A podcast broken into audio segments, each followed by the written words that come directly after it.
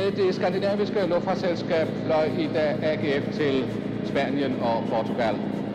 Og Årov, det skulle blive alle tiders tur, var? Ja, øh, det er oplagt i hvert fald, at vi spiller, og vi glæder os kolossalt til oplevelsen. Her har vi John Stampe og banker bolden ind. Og der er scoring, så er der der. Blom. Nu kommer Thorninger ind i billedet. Og det er Stig Det hvide snit. Det hvide snit. Det hvide snit. Det hvide snit. Det hvide snit.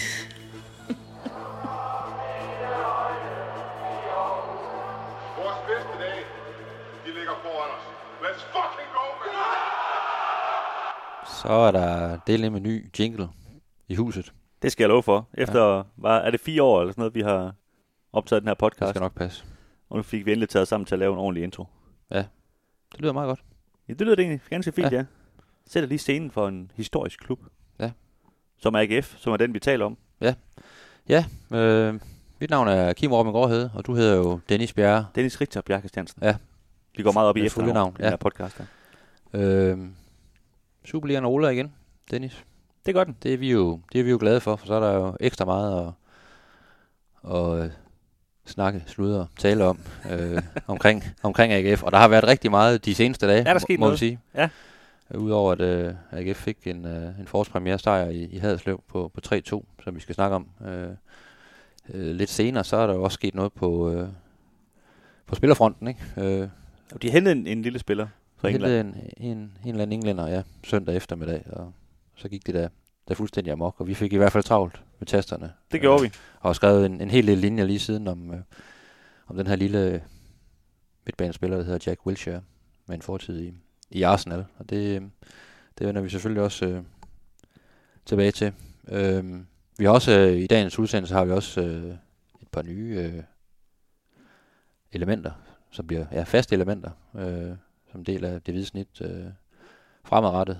Øh, vi arbejder et lille fanpanel, øh, hvor vi vil høre sådan, øh, til nogle fans hver gang. Øh, det var forhold i til- stemning, I forhold til stort og småt, ja. Og vi har et par stykker med i dag, der, der selvfølgelig vil, vil kommentere lidt på, på, det her, på den her signing af, af Jack Wilshere. Det, det er jo oplagt, at, øh, at vi hører, hører lidt om det. Og så har vi øh, et andet fast element. Øh, hvad er det nu, vi kalder det? Vi kalder det for legendernes skyld, Lige præcis. som er ansporet lidt af en, øh, en legendarisk kommentar. Øh, det kommer vi tilbage til, når vi, når vi kommer til det emne. Men øh, ja, men det er i hvert fald øh, et AGF-navn, et givet AGF-navn, vi, vi tager op øh, fra gang til gang, og så øh, snakker lidt om det. Øh, og det kan jo både være en, en nutidsspiller, men også øh, i, i, i det historiske perspektiv Ja, nok og mest jo. Og det handler lidt om, øh, det er lidt i forlængelse af den her top, 60, øh, top 50, vi lavede, øh, Ja. lavede om, omkring jul, hvor vi synes, at øh, AGF er en klub med, med en rigtig stor historie, som, som de fortjener at blive hæ- hævet op nogle af de her navne, som kan man sige, nogle er stadigvæk husket, og nogle er også blevet lidt, øh, lidt halvglemt, og det, øh, de fortjener at blive, blive nævnt. Der ligger, der ligger vildt mange gode og sjove historier øh, gemt i, øh, i arkiverne. Det må man sige, når man, og, sådan, når, når og, man dykker ned i historier, altså Ja. ja. om, om spillere, der faktisk var ret gode. Ja. Også Og- øh, nogle af dem, vi næsten har glemt. Så hvis vi lige skal prøve sådan at, at danne et, øh, et overordnet overblik, så, øh, så lige om lidt, der vil vi kaste os ud i sådan det, det mere aktuelle, øh, sådan først og fremmest omkring kampen øh, fredag i, i Haderslev, og, og de perspektiver, den, den sejr til AGF øh, dernede, den ligesom, ligesom bærer, bærer med sig i forhold til, til alt andet snak om, om top 6, og bliver det top 6, eller gør det ikke, og, og hvad, hvad er mulighederne. Øhm, og så har vi jo vores, øh, vores lille fanpanel, som sagt, øh, vi skal omkring.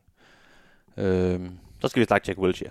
så skal vi Så kan snakke, vi ikke holde den øh, længere. Jack Wilshere, ja, og vi har, ja, vi har også, i dag har vi en lille, en lille top 3 også, vi har, vi har så det her legende, legende segment, ikke? Og så, så slutter vi selvfølgelig også af med at, øh, med at kigge fremad mod, mod fredagens udkamp øh, mod Vejle. Vejle. Øh, hvor der jo er, er meldt øh, rimelig hæftig øh, tilmelding, kan man sige, af AGF-fans øh, ned på, på udbaneafsnittet. Øh, Ja, den er, den er interessant. Den og jeg kamp. ved ikke, om det her, den her Jack Wilshere signing, den har, den har skubbet lidt ekstra på interesse. Det, det kan godt være. Ja, jeg tror det. Jeg tror det. Men, Og så, øh, så altså en sidste ting, vi har indført, Kim, det er jo en, det er en lille quiz. Ja, Som, det- øh, det som rigtigt. vi skiftes til at udfordre hinanden lidt på. Øh, jeg får lov til at stille den i dag, og så øh, skal du svare sidst i udsendelsen. Så du må ikke svare nu. Du skal bare sidde og tænke lidt over det. okay. Men, øh, men det er lidt i anledning af, af en nyhed, som vi, vi kommer til at gennemgå lige om lidt. Men øh, Jesper Julesgaard, han, øh, han forlod AGF i, i går, som vi sidder op til her onsdag. Øh, hvor, mange, men, hvor mange øh, kampe nåede han egentlig at spille for AGF? Du kan lige sidde og tælle sammen. Jeg Boom. ved, du Ja. har en øh, Jeg finder lige cool om frem. kommelse som David Nielsen, så, så Ja. så tænke lidt over det. Det vil jeg gøre. Jeg er glad og tilfreds og, og håber da selvfølgelig, at vi kan indfri nogle af de store og høje forventninger, som, som vores sportsdirektør han har til det her Dream Team. Det var jo Martin Jørgensen, der snakkede med Ja. et, et, et lille dream team. Men øh, det er ikke det, vi skal, vi skal tale om nu. Vi skal tale om øh, Sønderjyske kampen i fredags. Ja. Nede i Haverslev, hvor, hvor AGF de kom bagud 2-0 efter, hvad var det, et kvarter? 14 minutter, ja. Ja. Og der, øh, kan man sige, altså det lignede jo mere AGF, end, end øh, AGF nogensinde har gjort på en eller anden måde. Ikke? Altså, gode træningskampe, og det hele er, er talt stort op. Og så er man bare bagud til et bundhold øh, 2-0 efter et kvarter, og har, har spillet helt frygteligt nede i forsvaret. Øh, men de kom jo selvfølgelig tilbage igen og, og vinder den her kamp øh, 3-2 på det her kludemål i, øh, i, i overtiden. Altså, ja målmandsdrup, kan man ja, det må man ja. roligt sige. Hvad, hvad var det for en kamp, du, øh, du så nede i Harderslev? Ja, det var virkelig en underlig fodboldkamp. Øh, det siger jo lidt sig selv, ikke? Øh, får, AGF får en Marits start med at komme bagud efter, er det, er det 80 sekunder, eller hvad der, der, der er spil, hvor, hvor, øh, hvor Oliver Lund bliver spillet fuldstændig tynd, og, og det Alberto står og snoks over inde på, på midten. Altså, defensiven er slet ikke på plads der, og, og det bringer så Sønderjyske foran, ikke? Og, ja, og så kommer de kunne hjælpe os foran med 2-0 efter, ja, inden uh, der er spillet et kvarter, ikke? Efter, efter en dødebold. Og det var, der sad man og kiggede ned på AGF-spilleren og tænkte, det her, det, det, det sagde nemlig ikke godt, og den, det får de rigtig, rigtig svært ved at, ved at rejse efter det her, ikke? efter sådan en lang opstart, hvor man har bygget en masse ting op øh, internt med forventninger og, og tro på, på tingene, ikke? og så er man nede med, med, med 2-0 til et, et, ja, undskyld mig, men, men meget ordinært øh, sønderjyske mandskab, der, der til og med også manglede et par, par profiler til, til kampen, men altså, kan du til, til AGF, de får, de får samlet sig sammen og øh, får reduceret inden pausen, og det tror jeg var rigtig, rigtig vigtigt, at, øh, at øh, man fik reduceret til, til 1-2 inden, inden pausen, så det ikke var, var 0-2, og man skulle ind i omklædningsrummet. Øh, Patrick Mortensen scorer, ikke? Og så, øh, så tager AGF altså over efter pausen. Øh, Ja, i hvert fald efter, de lige fik scoret til 3-1, hvor de stod og sov igen. Hvor Ja, ja. heldig, at der var en hånd på bolden. der var så en hånd på bolden, ikke? Der kunne det godt have været øh, rigtig, rigtig grimt, men man må selvfølgelig ikke have, have hånd på, på bolden på den måde, han, han havde inden, inden for en mål. Øh, og det var så heldigt nok for, for AGF, kan man sige. Ikke? Men, øh, men sådan rent spillemæssigt i anden halvleg er det jo AGF, der sidder fuldstændig på, på, på kampen. Kreerer ikke sådan vanvittigt mange chancer. Øh, Sønderjysk er faktisk kampen igennem det, det farlige hold, øh, det mere skarpe hold, men der er ingen tvivl om, at der var mest fodbold i AGF, og det kan man, det kan man så sige, det, det fik de så løn for til sidst. Øh, en heldig scoring, men altså, det er jo, de opsøger det jo selv med, med et godt indlæg og en, og en ihærdig Patrick Mortensen, der får hættet i en svær position, og så, så må man sige, det er et målmandsdrop, der, der, der sender tre point til, til Aarhus. Ja, det må man sige. Altså, jeg synes dog, altså nu siger de, at de ikke skabte så mange chancer, det var rigtigt nok, men jeg synes dog, der var lidt øh, positiv fremgang i forhold til, til efteråret i den her offensiv. Altså, jeg kan godt se, at de arbejder på nogle ting, synes jeg også, med, med, med, med, med kanterne og så videre.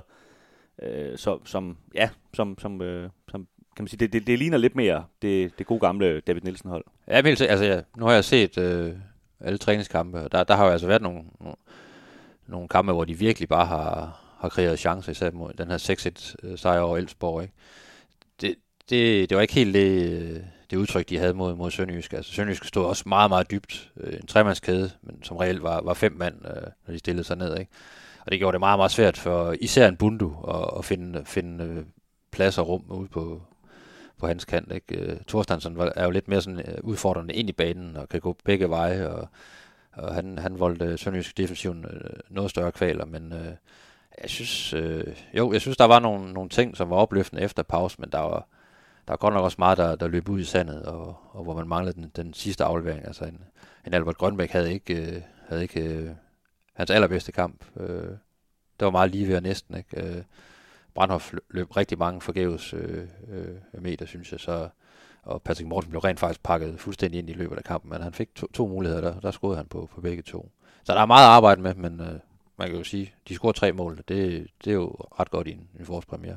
Hvis vi lige skal gribe øh, ham angriberen der, som øh, fik scoret to mål. Ja, Herr Mortensen. Det, ja, lige præcis. Det ene øh, var et rigtig godt mål, og det andet var, var bare heldigt. Øh, lad os bare sige det, som det er.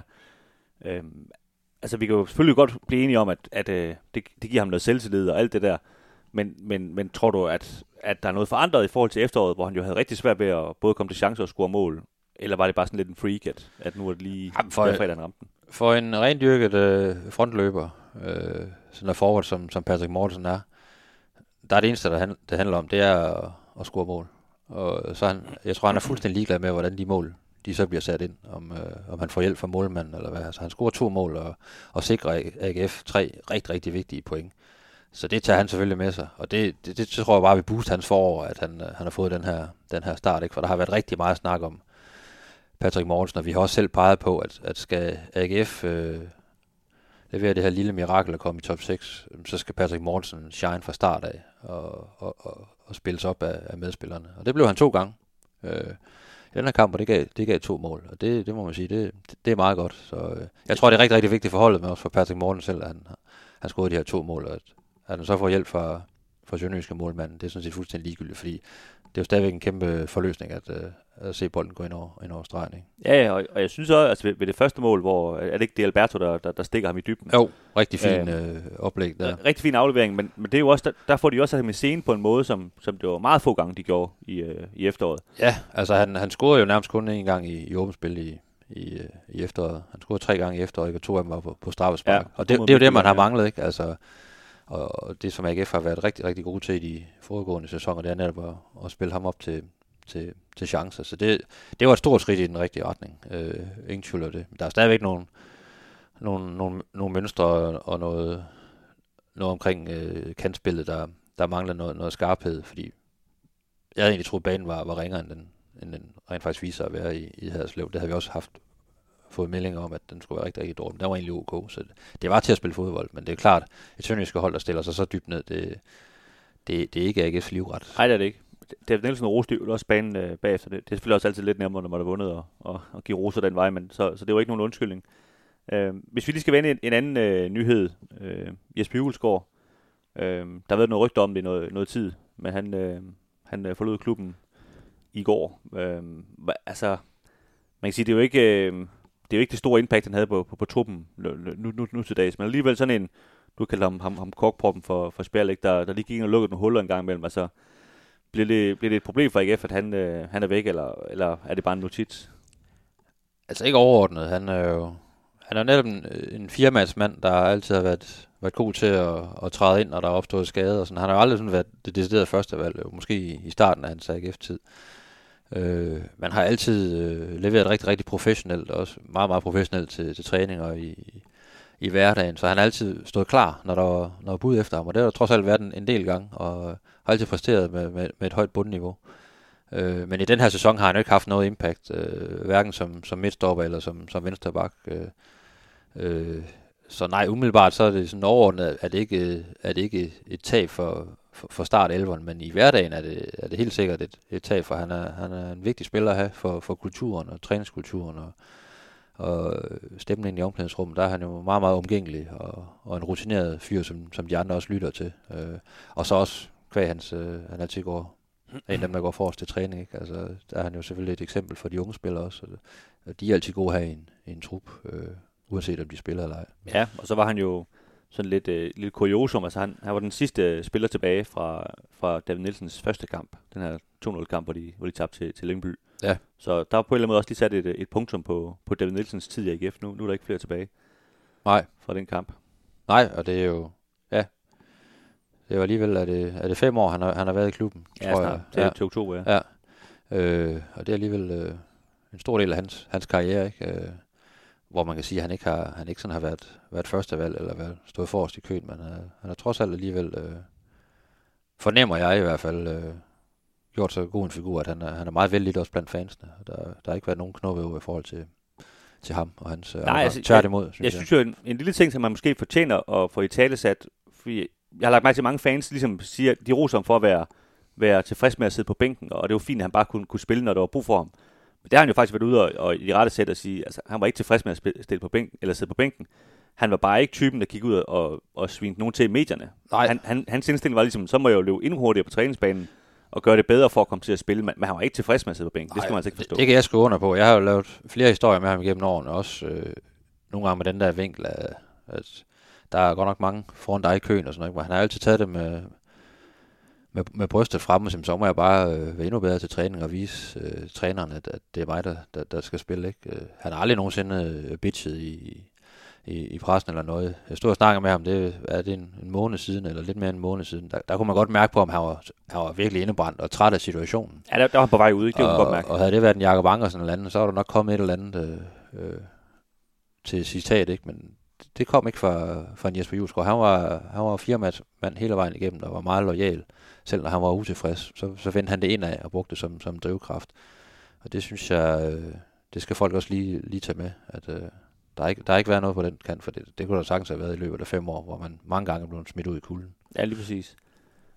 Øh, en sidste nyhed, Kim, vi gerne lige vil, vil runde. AGF de offentliggjorde et øh, halvårsregnskab øh, tirsdag, som, øh, som sagde et overskud på, på 23 millioner. Øh, det skal siges, der var også nogle fodnoter omkring, at, at øh, de forventer nogle, nogle større udgifter i, øh, i det andet, den anden del af, af regnskabet, så, så, så det endelige resultat øh, bliver nok lidt mindre, men, men stadigvæk et, et overskud. Var det, var det mellem 8 og 20 millioner, man, ja, man altså forventer? Man regner med i, øh, ja. i, i, for hele års regnskabet, ikke? Ja. Øhm, men man kan sige, altså nu er det jo, det har jo kørt i, igennem nogle år efterhånden, at AGF har haft de her de rigtig flotte regnskaber, i hvert fald i forhold til, hvad, hvad vi har været vant til, når, når vi har dækket AGF i, i mange år. Og øhm, der, der var ikke andet end at, end at løfte på hatten over, at der var, der var kommet styr på den del af butikken. Ja, det, må, altså, det må man sige. Det er jo, det er jo en virkelig positiv historie for, for AGF, at, øh, at man nu har den økonomiske ballast, øh, som jeg også tror, man vil få at se til sommer. Øh, hvor der i hvert fald er meldt ud, at øh, der bliver investeret massivt i, i, i spillertruppen. Det blev der allerede i sommer, skal man ikke glemme, men der, der bliver altså lige lagt øh, nogle alen til der til, til sommer, det, det tør jeg godt love. Øh, og det er jo, det er jo udelukkende ud fra, at man ligesom har, har fået skabt et, øh, et økonomisk øh, fundament og, og, og, og en ballast der. Øh, så det, det, er jo, det er jo virkelig, virkelig positivt. Også det her med, at altså, tallene er jo, er jo opadgående på, på mange af parametrene i forhold til sponsorer og så videre. Og så bliver der hele tiden snakket om det her stadion ude i, i fremtiden. Vi, vi snakker 2026 øh, lige nu, ikke? som skal være med til at, at rykke AGF yderligere. Og jeg synes bare, i forhold til det stadion, man har nu, og man har været igennem corona, og der, der er det ret imponerende, at man kan, man kan smide sådan nogle tal herud. Det, der er i hvert fald andre steder, hvor, hvor de bløder ret kraftigt. Ja, og det skal så siges, at det er jo også, øh, nu er det selvfølgelig ens for alle i Superligaen, men, men en del af de her indtægter er også, øh, kan man sige, penge fra staten, på grund af corona og sådan noget. Øhm, kan man sige, der, der kan de så glæde sig over, at de lever, lever i et land som Danmark, hvor, hvor vi har råd til, til det, øh, og, og støtte virksomhederne. Så det, det er jo rigtig fint, uden det lige skulle blive politisk nyt. Det her, jeg ved ikke lige, hvor jeg på vej hen af med det. ja, lige præcis. Øh, en, en lille ting, jeg lige blev mærke i, i forhold til det regnskab, øh, at øh, AGF's øh, spillerlønninger er, er steget fra, fra 40 til cirka 47 millioner. Det er, jo, det er jo en ret voldsom stigning faktisk, øh, men kan man sige noget, man jo godt har kunne fornemme, når man ser på, på et indkøb som, som Michael Andersen og så videre. Ikke? Øh, de, de er oppe i en anden løn, lønklasse end, end nogle af dem, de havde før, ikke? og, og man, man er klar til at bruge penge på, på spillertruppen i hvert fald. Ja, og det er der jo, det er der jo blevet mere råd til nu. Det er jo det er klart, der er mere luft i økonomien, og dermed kommer der også flere penge, der bliver genereret over det sportslige budget, så, så den siddende sportschef øh, får flere millioner at, at, at lege med. Øh, og det vil vi også se til, se til sommer. Øh, der er selvfølgelig også, øh, det skal selvfølgelig balancere, men der er jo selvfølgelig også nogle, øh, vi faktisk ikke lige nævnt, men Patrick Olsen er jo også øh, røget afsted, øh, nu officielt øh, til, til Pols fodbold, til Slask, var det ikke? Fedt klubnavn i øvrigt. Øh, og det var jo også en, øh, en tung øh, lønpost, så kan man så sige, nu kommer Wilshire så ind, og måske udligner det lidt hinanden i, i lønomkostninger, ikke? men øh, der er også mulighed for til sommer ligesom at, at rydde op i nogle ting i forhold til nogle, nogle løntunge øh, spillere. Øh, og så når man så får ekstra penge at lege med dem, så øh, ja, det er jo bare et, øh, et sundhedstegn. Lige præcis. Kim, vi skal til på øh, Boulevard Caféen.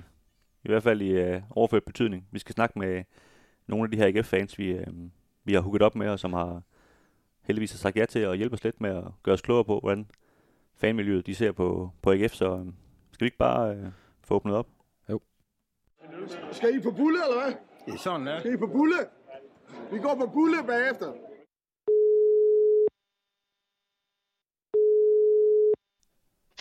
Det er Freddy. Jamen, velkommen til dig, Freddy Kirchner. Øh, kan du til at, at starte med at lige præsentere dig selv?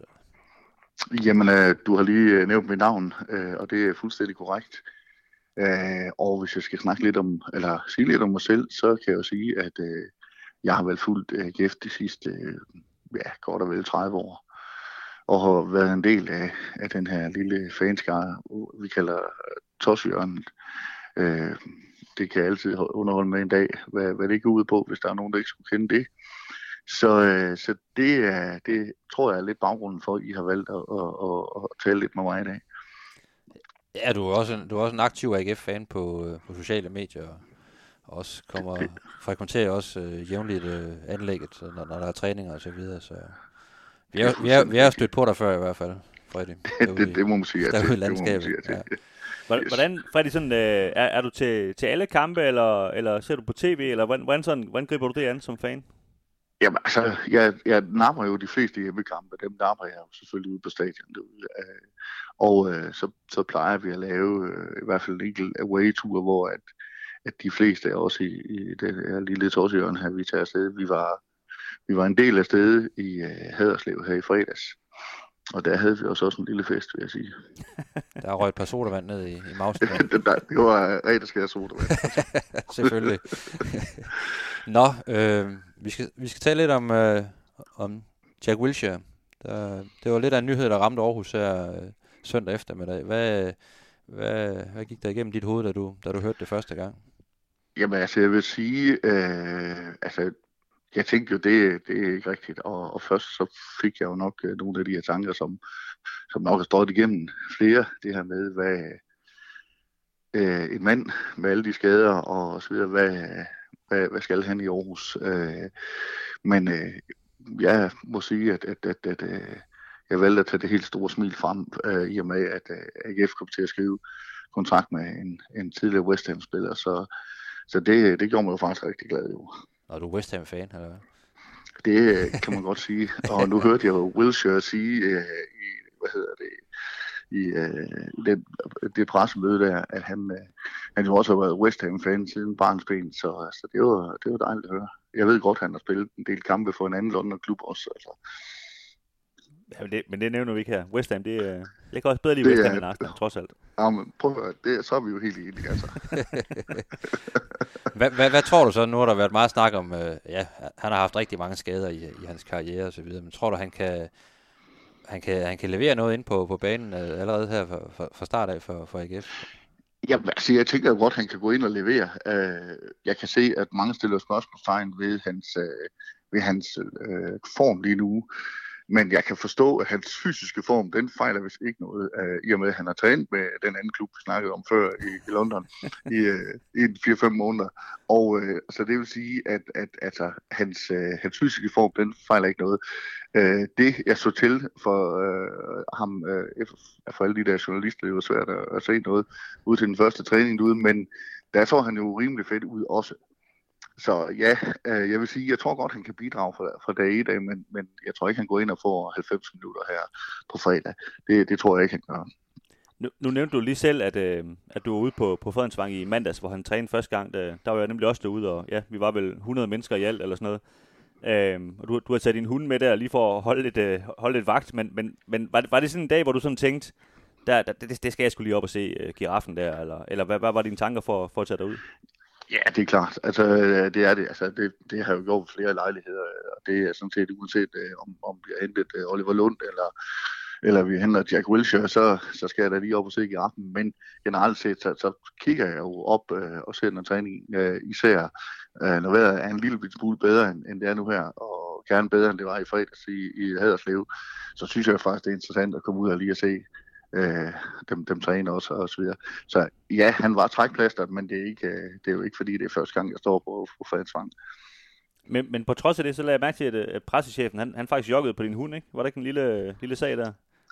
Jo, og vi kommer også op og diskutere lidt om, om, om man nu havde, hvad hedder det, øh, hundeposer med, når man havde to, to små hunde med, men altså, det kunne jeg, det kunne jeg så dokumentere, det her, ja. Ej, der er styr på det, det er godt. ja, det er godt. Hvis man, hvis man sådan skal lege djævelens advokat lidt, så, så er der jo det her med, at der kommer en spiller ind, der er, der er 30 år, som, som potentielt kan komme til at tage noget spilletid fra, fra unge spillere, fra, fra en Grønbæk, fra en, fra en Andersen. Altså, hvad tænker du om det? Er det bare name of the game, eller er du lidt bekymret på, på den kant i forhold til til de unge Altså spillere? bekymret, det, det- vil være et forkert ord, fordi øh, jeg tænker, at han kan bidrage, og det tror jeg sådan set, øh, at det er først og fremmest, jeg, jeg tænker, at alt andet er bonus. Han kan bidrage øh, primært øh, til træninger uden for banen øh, i forhold til den erfaring, han nu har. Øh, man har trods alt spillet en, en del Champions League kamp, kamp, øh, Champions League kampe for den klub, vi omtalte før, øh, og har også spillet lidt landskampe for England også. Så jeg, jeg tænker, at det er en, som de unge kan lære noget af at læne sig op af. Og jeg kunne også forstå, at han kommer vist også, hvis jeg ikke har taget helt fejl, til at stå lidt på sidelinjen i forhold til, til en ungdomstræning. Og, og det hilser jeg jo enormt velkommen. Altså, øh, så nej, jeg er ikke bekymret på den der. Jeg tror faktisk, at, at det kan gavne de fleste øh, omkring øh, AGF, og især også de unge. Folk har jo været lidt skeptiske over, at de penge, som, som AGF smider efter ham, og hvis beløbet passer med, med de her 200.000 om måneden, så tænker jeg, at de er givet rimelig fornuftigt ud. jeg, jeg, jeg kunne fornemme, at, øh, at trøjesalget alene det var, var steget voldsomt. Og jeg vil sige, at det er nok en af de første gange, jeg har oplevet, at øh, AGF de har været omtalt på BBT Sport øh, flere gange, plus øh, Sky Sport også. Så jeg tænker også, at det, det har skabt lidt, øh, lidt omtale for den lille klub, så alt i alt så er jeg positiv. Altså. Jamen, altså, jeg kan jo tilføje det, at, at på Twitter, der har, jeg skrev en lille smule om, da, da han ankom, Jack Wilshere, og det er der åbenbart øh, nogle engelske fans af den der klub, du, øh, du har omtalt, som jeg også har besluttet mig for ikke at benævne. øh, men der er sådan 10 fans, der, øh, der, der har besluttet at følge mig, sådan, nogle englænder. Og der tænker jeg da også, de, bliver- de bliver da voldsomt skuffet næste gang United de møder den klub der, når jeg så kommer til at, at svine den klub til. Men, øh, men, men, men det viser jo lidt, hvad det er for en, en mand, der, der ligesom er, er kommet til Aarhus, ikke? At, øh, at det, det er altså hele verden faktisk, der, der lige kigger på, øh, hvordan kommer han til at klare sig derovre. Lige præcis, lige præcis. Og det er også det, jeg tænker, jeg kan se også, der er også et par øh, fans af den klub der, som, som også har begyndt at følge øh, mig øh, derinde også, og, og jeg kan også se, at der er faktisk er fans fra, fra andre klubber i Danmark, som også har været inde og købe en Jack Wilshere trøje, så det, det synes jeg faktisk er lidt underholdende. Det, det tror jeg nu ikke, jeg har gjort. Altså, Ja, jeg så faktisk, der, der var nogle af den uh, unævnlige klub der, de, de har så valgt at købe udbanetrøjen fra AGF, fordi fordi den er jo rød, så uh, de, de, er jo ikke, de er jo ikke så glade for det det, lidt det synes jeg der. også var, var meget fint. lige præcis, lige præcis. Glimrende. Godt. Jamen, øh, Og Fredrik, vi siger mange tak, og vi, vi skal have Jamen, ved. det gør jeg også. Tak fordi øh, øh, I tænkte, jeg kunne bidrage lidt. Øh, Selvfølgelig. Ja, men øh, pas på jer selv. Ja, lige måde. Det var Freddy Kirchner, øh, vi har talt lidt med, og nu øh, ringer vi så op til, øh, til en anden inkarneret AGF-fan, nemlig Janus Lautrup, øh, straight out of øh, Lystrup. Jeg hedder Janus øh, Lautrup, og jeg er jo øh, fra EO og Aarhus. Jeg er jo sådan en klassisk øh, født i 74, og forældrene er skilt. Øh, og så øh, gik jeg jo bare op i, i fodbold. Øhm, og det blev jo så faktisk, jeg tror jeg var en øh, 10 år før en kammerats far tog mig med ind og se øh, AGF Vejle. Og der blev selvfølgelig syg og lå op i, øh, lå op i jeres boks faktisk øh, hele anden halvleg øh, og kastede op. Men, men, øh, men indtrykket, da jeg så øh, stadion og plænen og sådan noget, det blev bare, øh, det, det, det, det husker jeg simpelthen som, øh, som var, det, var det i går. Så, så jeg blev bare AGF'er der og dyrkede det hårdt med, min, med mine kammerater. Og, øhm, og så øh, voksede jeg jo op øh, sammen med, øh, øh, med Harmsen, øh, som var øh, en knægt, der var født af Hans Hamsen, som var bror til Jens Hamsen, Og allerede der synes jeg jo, der var en tæt relation til klubben. så vi, øh, vi stod jo øh, og dyrkede GF fra morgen til aften. Og så kan jeg jo huske, da jeg løb rundt inde på plænen, efter vi havde slået øh, øh 1903 i pokalfinalen 92, der plukkede jeg lidt græs fra plænen, som jeg satte op i en ramme og hang over min seng, indtil jeg blev 37, tror jeg. Så, så, øh, så jeg vil sådan, øh, jeg vil sige, at jeg er øh, måske ikke så meget AGF-fan, jeg er måske mere, øh, det er måske bare mere en kultur, altså jeg er oceaner, og, og, og, på den måde er AGF bare forankret i min, i min måde at tænke mig selv og identitet og ind i, ind i klubben. Øh, og så har jeg jo så er jeg jo gift med, med Anne, som er vokset op på den mest legendariske adresse i disse dage, nemlig Stadion Allé nummer 10. Så øh, der bor min svigermor stadigvæk, så man kan jo ikke finde en smukkere adresse. Så det, vi er sådan en familie, der dyrker det. Jeg har en lille dreng på 9, som også har været med til at gå ind med, med dommeren ind på stadion og kaste mønt og sådan noget. Så vi, vi bakker holdet op øh, hele tiden. Men, men som sagt, det er jo ikke sådan, at jeg står hysterisk og råber. Øh, jeg, jeg tror, jeg har det meget med mig som sådan en, en del af, af det at være AGF'er og Aarhusianer. Hvordan, hvordan når, når AGF nu vinder i, i Sønderjyske som i fredag, sådan, altså, har, har det så reddet hele din weekend, eller, eller, eller kunne du godt sove, hvis, hvis de ikke havde vundet den kamp? Hvor, hvor, hvor står du på den? Ja, men altså, jeg, altså det følger mig jo øh, på den måde, at jeg starter med at tage næsespray øh, under kampen, fordi jeg er fuldstændig lukket til at højt blodtryk. og så, og så, øh, og så følger det mig sådan lidt, øh, jeg, jeg, du ved, det er hele tiden den der drøm om, hvor godt kan det blive? Altså den tror jeg, at vi er mange øh, AGF'ere, der deler. Altså, tænk engang, hvis de vandt. Tænk, hvis de kom i top 6, og hvis vi kunne eksplodere ud på stadion sammen. Den der fællesskabsfølelse øh, øh, og enhed, der er omkring fans og spillere øh, og klub. Øh, så jo, altså så det, det følger mig jo øh, hele tiden, når vi vågner op om morgenen og sidder og snakker om det. Hold kæft, vi vandt i går, og, og man tænker jo hele tiden to kampe frem for at se, hvad der kan ske. Men samtidig med det, så er jeg også øh, faktisk i min hverdag, der er leder øh, øh, på en skole, så jeg, jeg er også sådan meget optaget af sådan øh, det ledelsesstrategiske, og, og, og hvordan klubben har flyttet sig fra at være sådan et bøvet øh, galehus til at stadigvæk at have kant, men have øh, en meget mere tydelig langsigtet strategi sådan i forhold til ledelse, og hvor meget kontinuitet og sådan nogle ting, det, øh, det har givet klubben. Øhm, så, så jeg er sådan lidt en, en fyr, der, der, der svæver lidt højt i helikopteren på den del, og så er helt nede på, på pitch og stå, stå og råbe og skrige. Øh, øh, så på den måde der er jeg bare AGF'er, tror jeg. Det, det minder meget om, om Jakob Nielsen på mange måder. Det er jo også sådan, jeg ser ham. Ikke? Når, når først kampen er i gang, så, så er han altså oppe i det røde felt. Ja, Jamen, det kan sgu godt være. Det vil jeg da, det vil jeg da tage med mig resten af dagen. Jeg, jeg skal nok lige lidt fra. Øh. det, det, jeg er jo trods alt inden for det offentlige. ja, præcis. Nå, Jens, vi skal lige snakke lidt om, øh, om Jack Wilshere. Det var ja. lidt af en, en bombe, der, der ramte Aarhus der søndag, søndag eftermiddag. Øh, hvad tænkte du da, du, da du hørte nyheden første gang omkring øh, Jack Wilshere til AGF? Ja, jeg, jeg sad faktisk øh, på Benito øh, Villamarin stadion i, øh, i Sevilla og skulle til at se Betis Mallorca, da jeg fik sådan en what the fuck besked fra en, fra en kammerat. Jamen nu med det, så øh, først så når jeg lige at tænke, øh, åh oh, nej, og, og ej hvor fedt, sådan en kæmpe blanding.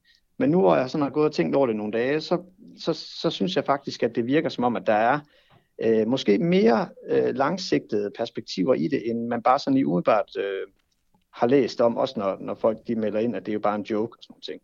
Altså, så, så min umiddelbare holdning det er, når nu at øh, Patrick Olsen han er væk, så kan det jo være, at han er lige præcis den mand, de heldige øh, lykkes til at, øh, at bryde kæderne, som, som måske at de troede Patrick Olsen skulle, men som det viste sig, at han, han ikke gjorde, når han rent faktisk øh, skulle spille.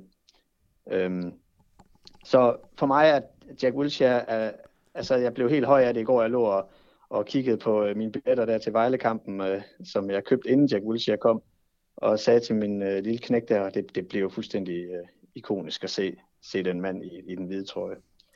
Ja, de, øh, og samt...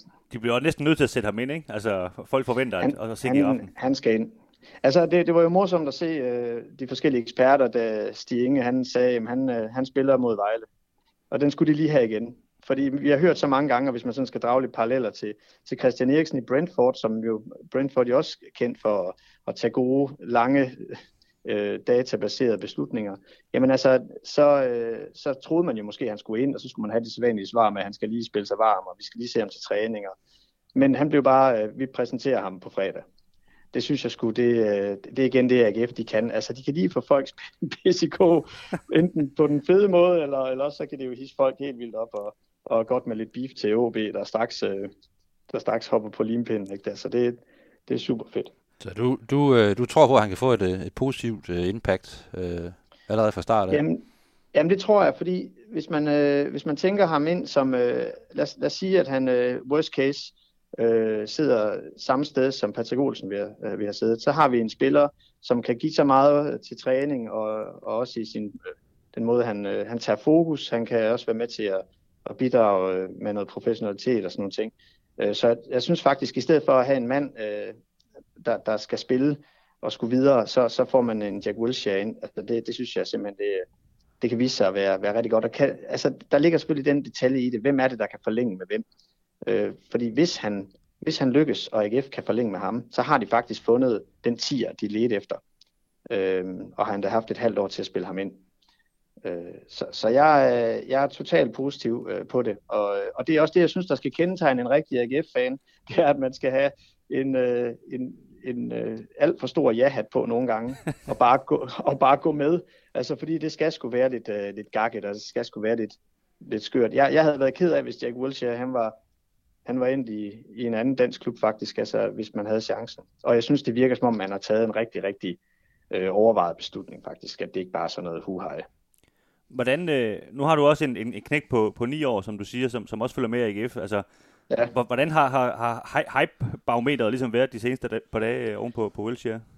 Jamen først så skulle han finde ud af, hvem det var, men da jeg så så forsiden på øh, FIFA 2012, så kom han helt op og ringe. Sådan approved, ja. Øh, vi, havde, vi havde en enkelt øh, lille fight i går, fordi han har, fået, øh, han har fået lavet to trøjer her for nylig. En med, med Grønbæk Erlykke, som jeg vil kalde ham i den her podcast, og så ja, tak. Øh, og en med Michael Andersen.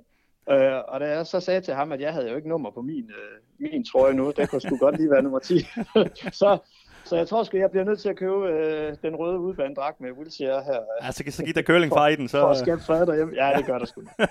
men, men altså, jeg, jeg, jeg, jeg synes jo, det der er med, med min knægt også, det er, at man kan jo mærke, at, at ligesom at, øh, at jeg er opdraget med, med ture ned ad stadion og øh, så, så, så, så er det jo en identitet, man tager på sig, mere end det er bare et hold, man holder med.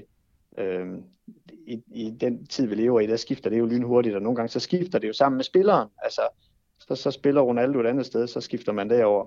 At her, der, der er vi jo oceaner, og, øh, og, og bare det der med, at der kommer noget nyt, ikke? Altså, der, der er altid noget nyt at tale om ude i AGF.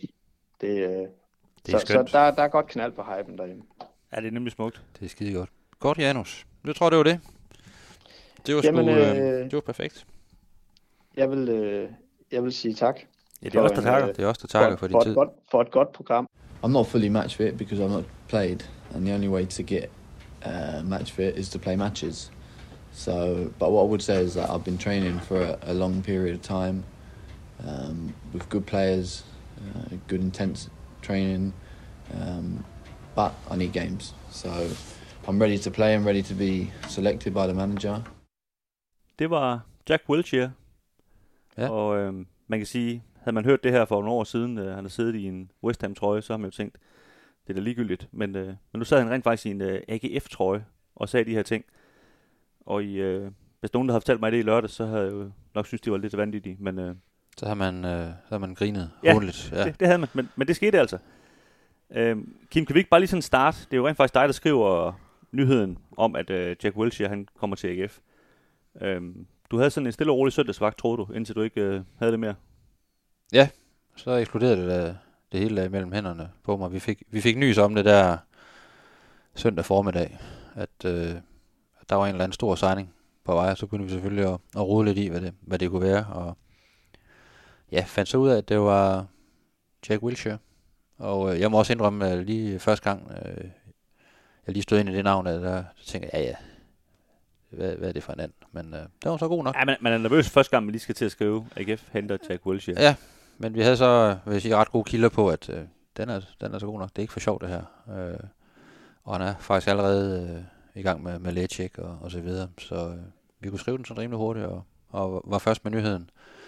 Øh, AGF lægger selvfølgelig en, en teaser op omkring, øh, at der er, en, der er en ny spiller på vej. En, øh, der er et par, par gammeldags kanoner og en, og en trøje nummer 10 der, der hænger og blaffer der, og, og en spillerkontrakt, der, der står lænet op af, af det ene hjul der. Øh, og så gik der ellers bare gætte konkurrence i den ud på, på forskellige sociale medier. Øh, men vi var så ligesom de første, der kunne, der kunne, øh, der kunne skrive, hvem, hvem der var tale om. Øh, og så har det jo bare kørt lige siden, og det ved du også, og du mødte ind øh, mandag. Ja, altså, også, jeg, øh, jeg har været på skiferie i, i sidste uge, og tænkte sådan, så tager vi lige sådan en stille og rolig mandag, ikke, hvor vi lige får må stoppe lidt af, ikke? Men det, der det, det, kunne, noget det kunne jeg godt regne ud der søndag aften, at øh, det bliver nok det modsatte.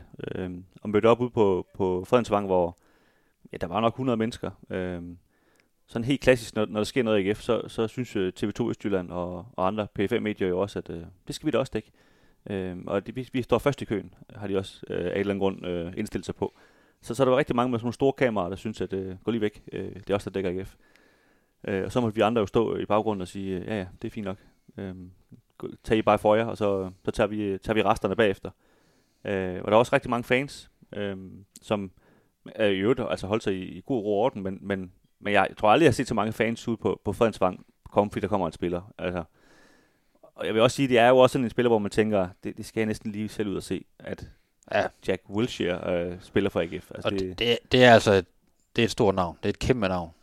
Øh, kæmpe navn i, i, i England, ikke? Har også øh, masser af A-landskampe på, på, på CV'et. Altså, så sent som i, i 2018 var han jo inde omkring øh, den trup, der skulle udtages til, til VM i, i Rusland, blev sidet fra øh, i, til allersidst af, af den engelske landstræner Southgate, der, øh, som netop øh, argumenterede for, at der har været der har været for mange skader og for mange huller i, i løbet af, af sæsonen, selvom Wilshere faktisk der sidst på sæsonen øh, øh, spillede, øh, spillede fast. Så, øh, så det, det, er en, det er en kæmpe spiller, og han er et kæmpe navn i England. Altså, og det kan du også bare se på den interesse, der har været omkring det her skifte til, til, til AGF, til Aarhus Gymnastikforening. Ikke? Altså, ja, ja, det, the det, Wi-Fi uh, password, som de, ja, ja. som de kalder det i England.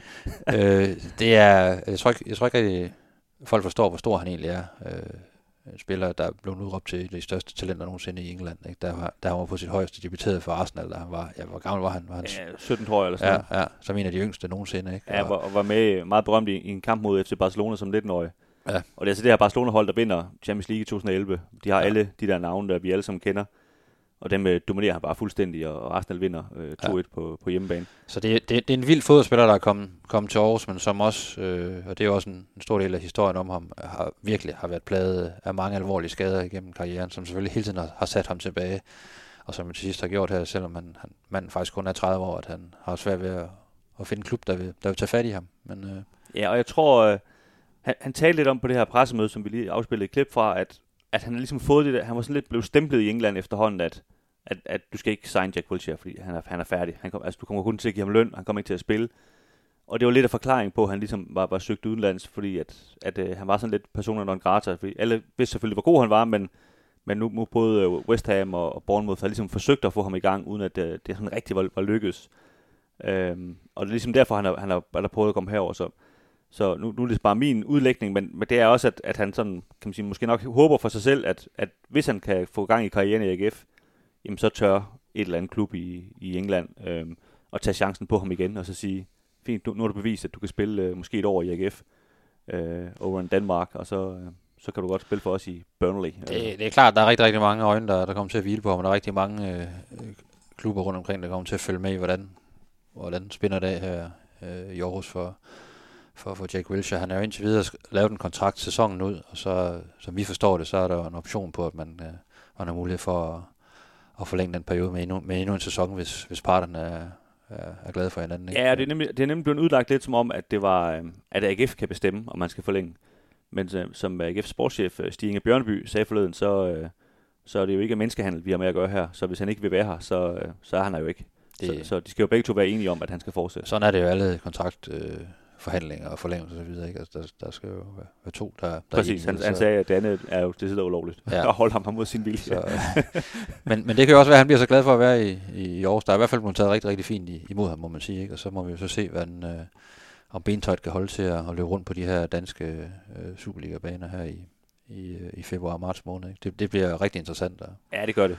Øh, at følge. Men altså, han, han, øh, nu optager vi her onsdag, han, og han har trænet både øh, mandag og tirsdag og han, han ser ganske fin ud. Altså, ser virkelig fedt ud. Altså. Nu, ja, lige præcis. Altså, nu skal vi ikke sidde her og vurdere ud fra nogle øh, træningsøvelser, om, om han kan klare sig i Superligaen. Det er ikke det, vi er i gang med.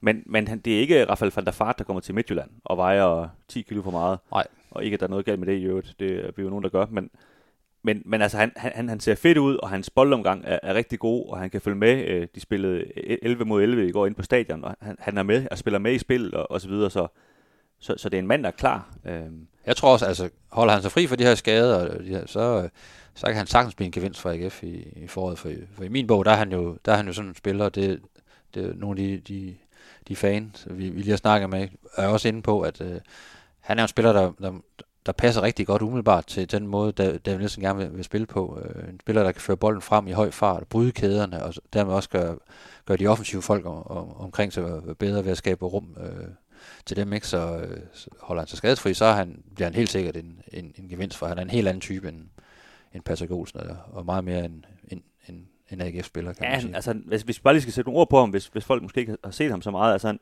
han er jo en meget energisk spiller, øh, ekstrem vilje, kaster sig ind i, i taklingerne, men har jo derudover en, en ekstrem god teknik, en ekstrem god venstrefod, ekstremt god, øh, godt, godt blik for spillet.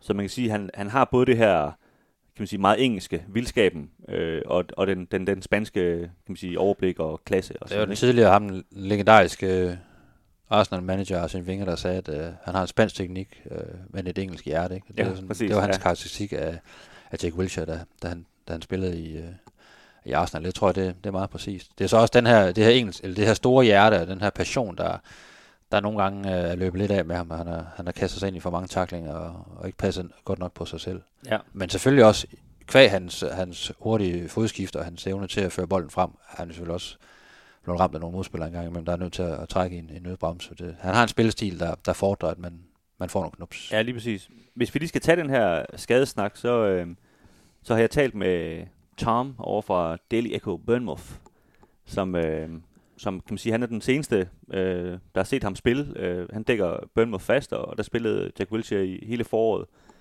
Øh, og han, han, øh, kan man sige, han siger faktisk nogle, nogle opmuntrende ting for ham fra, fra AGF's øh, synspunkt. Han siger, altså for det første var han ikke skadet i hele det halvår, han var der.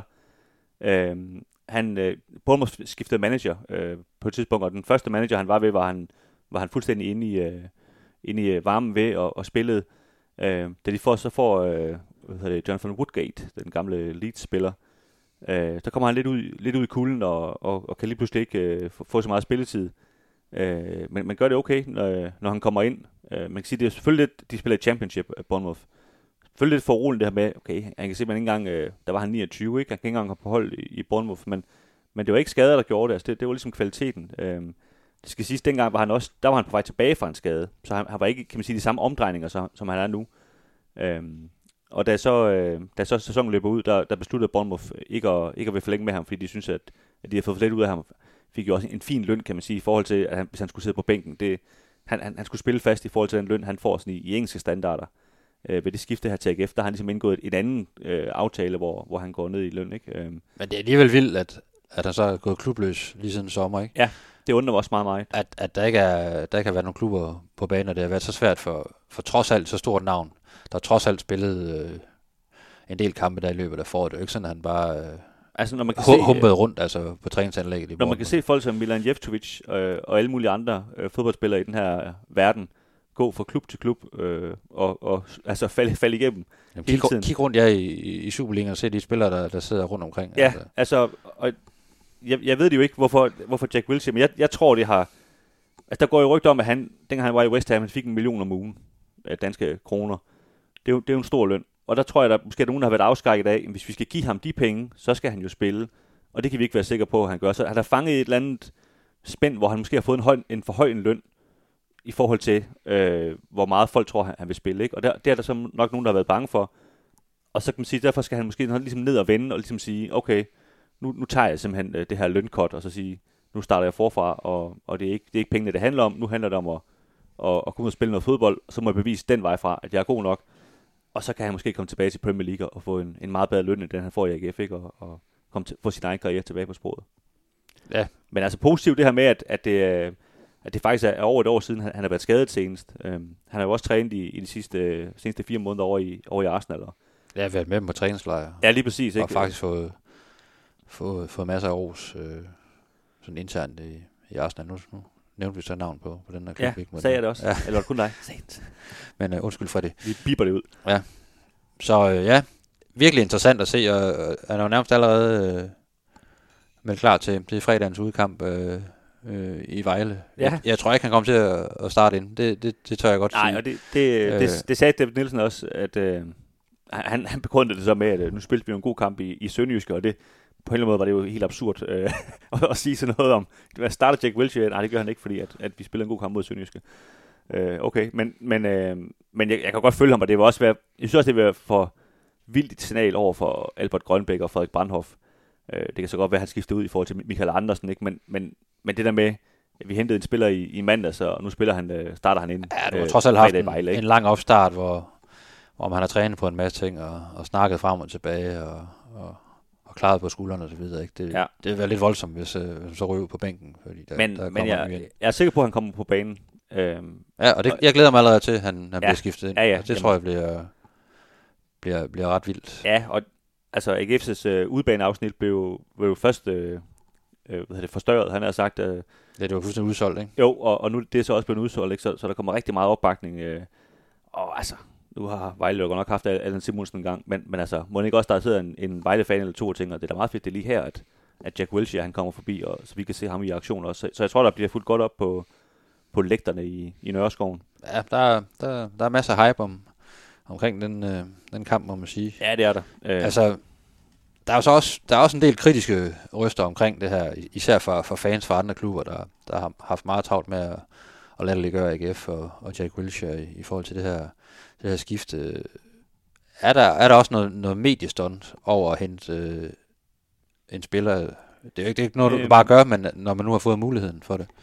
Altså, jeg, jeg tror, nu kan vi lige afspille et klip med David Nielsen lige om lidt, hvor, hvor han svarer på det. Men jeg, jeg tror da, at de også har tænkt, det er også, det er også god Øh, og han er jo nemlig ikke, han er jo ikke sådan ekstremt dyr, altså han skal have det cirka det samme i løn, som Patrick Olsen fik, så, så det er jo ikke fordi, de sådan, det er jo ikke en satsning på den måde. Altså, øh, og alle rapporter omkring ham er, at han er en, han er en, en fuldstændig om, om, omgængelig fyr. Altså, det er ikke, med al respekt, men det er jo ikke Niklas Bender, du sætter ind i omklædningsrummet, så du, så du sætter det hele på spil om, at, at det hele eksploderer derinde. Og det er jo også det indtryk, man får af ham, ikke, når, man, når, man har set ham og, ja. pres med. Altså virkelig øh, stille og roligt og velovervejet. Ikke? Jeg, jeg talte med, med Jonas Hebo, som, øh, som er i dag er ekspert på, på TV2 og Mediano, men som, som er tidligere fodboldspiller og har spillet med Jack Wilshere i Arsenal i ungdomsfodbold.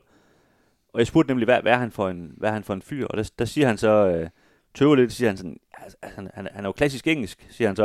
Og der kan man godt fornemme, okay, der, der er jo der er altid lidt vildskab der, ikke? Altså de folk, der har været på, på, på Tenerife øh, eller et eller andet sted på, på ferie, de ved godt, at øh, de kan godt øh, trykke til den, de der englænder, ikke? Men, men han siger, men altså, han er fuldstændig omgængelig fyr, sød og rar, var jo rigtig god til at tage de her danskere ind, udlændinge ind, der kom ind i den klub og tage dem med i biografen og sådan noget, så man kan sige, der var også noget empati og sådan noget, så, så han, han er ikke den der superstjerne, som, som øh, vi også har set nogle af i, i fodboldverdenen, ikke? Som, som slet ikke øh, kender lov og ret.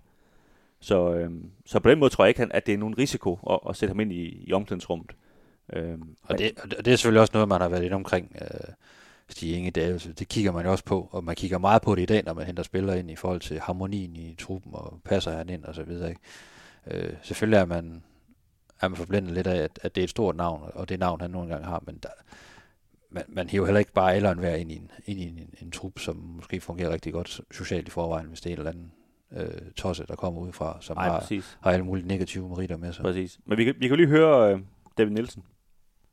Du sagde tidligere, at I kommer til at skærme ham. Hvad, hvad, hvad skal det hjælpe?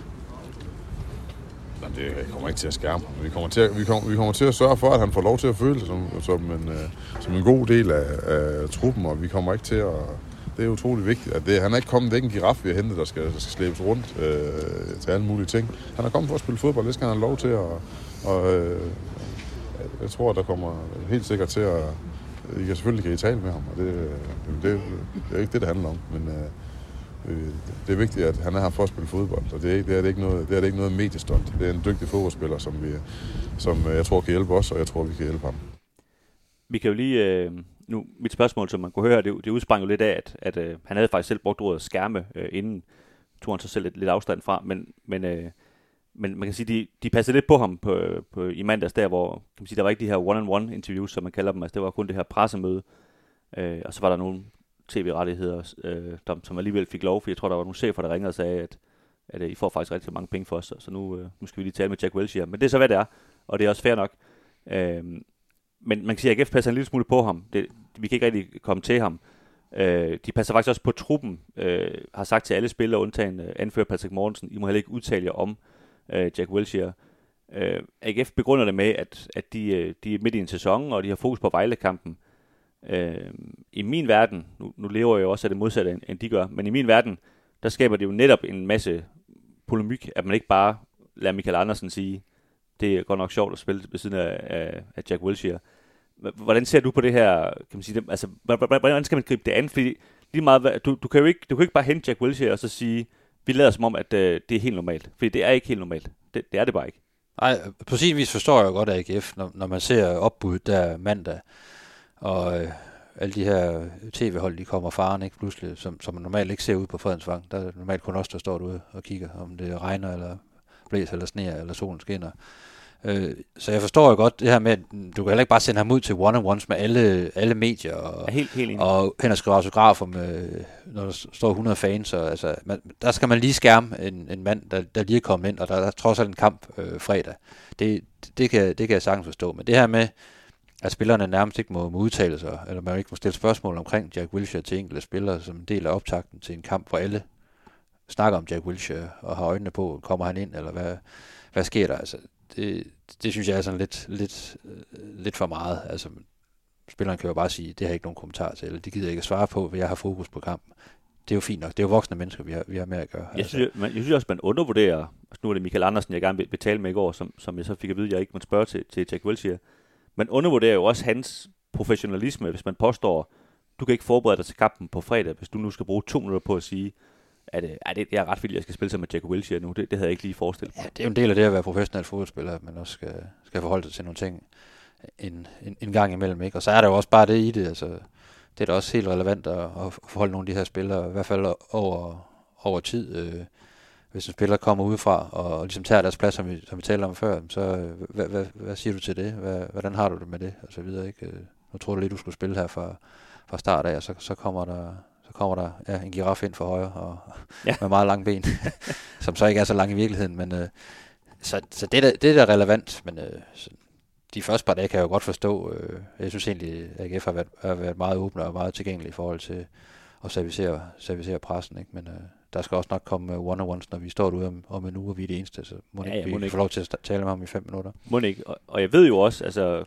vi, vi har hørt om, øh, om nogle af spillerne bagefter. Altså, jeg ved jo, at der var jo en, en speciel stemning i de omklædningsrum i mandags, ikke? fordi at, at selvom øh, at, at de her fodboldspillere i AGF, kan man sige, er også profileret i Aarhus, jamen så, så, så bliver de også lidt starstruck, når, når Jack Wilshere han lige pludselig sidder i, i det her omklædningsrum. Ikke? Og der var faktisk en sjov historie med, med Thomas Christensen, øh, kaldet TK, den her 20-årige unge øh, forsvarsspiller, som... Fra Galten. Fra, ja. fra Galten, ja, ja. som ikke, øh, ikke får, får meget spilletid, men, øh, men som selvfølgelig øh, træner med hver dag og så videre.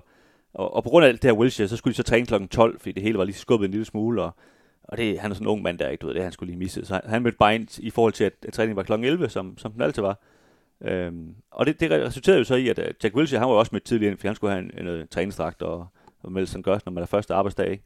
Så lige så sidder, så sidder der bare den her unge mand sammen med, med Jack Wilshere i et omklædningsrum, det de bare de to, ikke? og så, how do you do, øh, uh, Mr. Wilshere, ikke?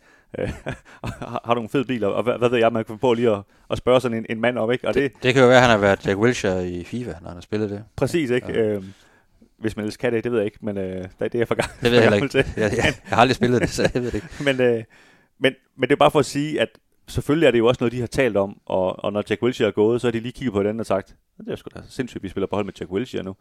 Øh, så, så på den måde er det jo i talesat alligevel, ja. selvom at man siger, at man ikke må i talesat det, og når Michael Andersen taler med sin svigerfar, så tror jeg også, han spørger ham om, hvordan er det at spille sammen med Jack Wilshere? Altså, så derfor tænker Michael Andersen jo over det, om man ved det eller ej. Altså, så, så øh, men altså, nu, nu er det nok øh, branchesnak øh, herfra, det skal vi nok øh, men, gå videre fra. Men, men jeg synes jo, sådan, i forlængelse af det, der, der er det jo bare, det er rigtig interessant, og det er sjovt at se, at en klub, der, der på mange måder er så stor øh, i Danmark, og har så meget mediebevågenhed, alt er jo relativt selvfølgelig i forhold til andre lande osv., øh, men efter danske for, forhold, altså, der, der kan man godt, der kan man så se, så kan man se tingene i perspektiv, hvor, hvor lille en spiller AGF så er på, på, på den helt store scene, ikke? når der kommer sådan en, en, en, en stjerne ind, som ikke er en af de største stjerner i Premier League, men bare er et kæmpe navn. Ikke? Altså, hvor, ja. hvor, meget, hvor meget det fylder, og hvor, hvor benåret selv spiller i AGF, der trods alt er, er nogle af de bedste i, her i landet, ikke?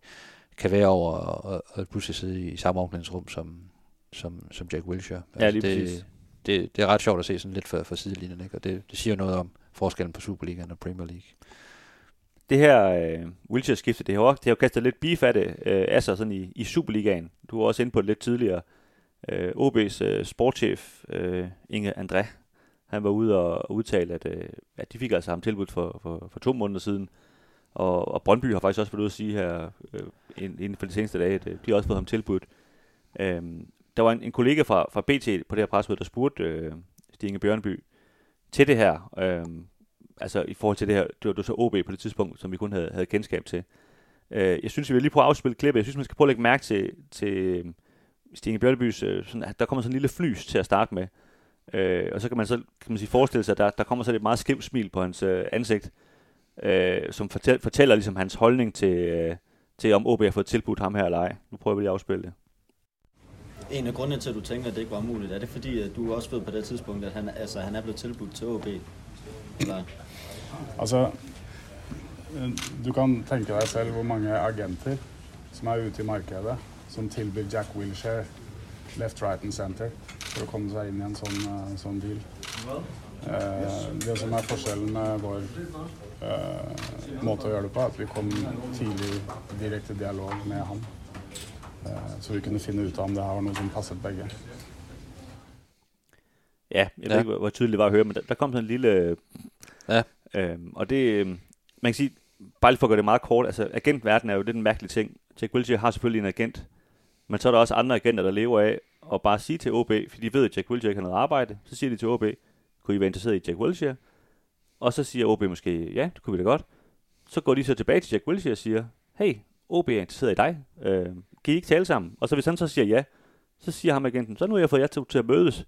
I får I lige, får I lige 5% for, eller whatever. Og så har han ligesom gjort et arbejde lige at lade, lade to ender mødes, men han, han repræsenterer ikke nødvendigvis Jack Wilshere til at starte med. Øh, sådan, sådan fungerer den verden også. Jeg, siger ikke, hvad der, jeg ved ikke, hvad der er sket op i Aalborg, jeg siger bare, at det kan være det, der er sket, og derfor, at man kan sige, at OB tror, de blevet tilbudt Jack Wilshere, uden at det sådan egentlig, har uden Jack Wilshere nogensinde har sagt, jeg vil gerne til OB. Han siger i hvert fald selv, at han aldrig har hørt om det. Præcis. Øh, så det, det, det, det lyder som et eller andet, øh, ja, agentlingo, og det, ja. det er der altså rigtig, rigtig meget af. Det og, er det, og det ved jeg ude i klubberne, det er man rigtig, rigtig træt af, men der er rigtig meget af det der. Men, men det, der faktisk overrasker mig mest ved den her sag, det er, at OB og Brøndby går ud og siger det. Det, det er jo det er normalt totalt no-go at gå ud og udtale sig om andre klubbers handler, øh, og generelt om andre klubber i det hele taget. Ikke? Hvor, hvorfor tror du, at, at OB og Brøndby ligesom har haft brug for ligesom at gå ud og, og lige talesæt her, at øh, det kunne det også have været os, det her?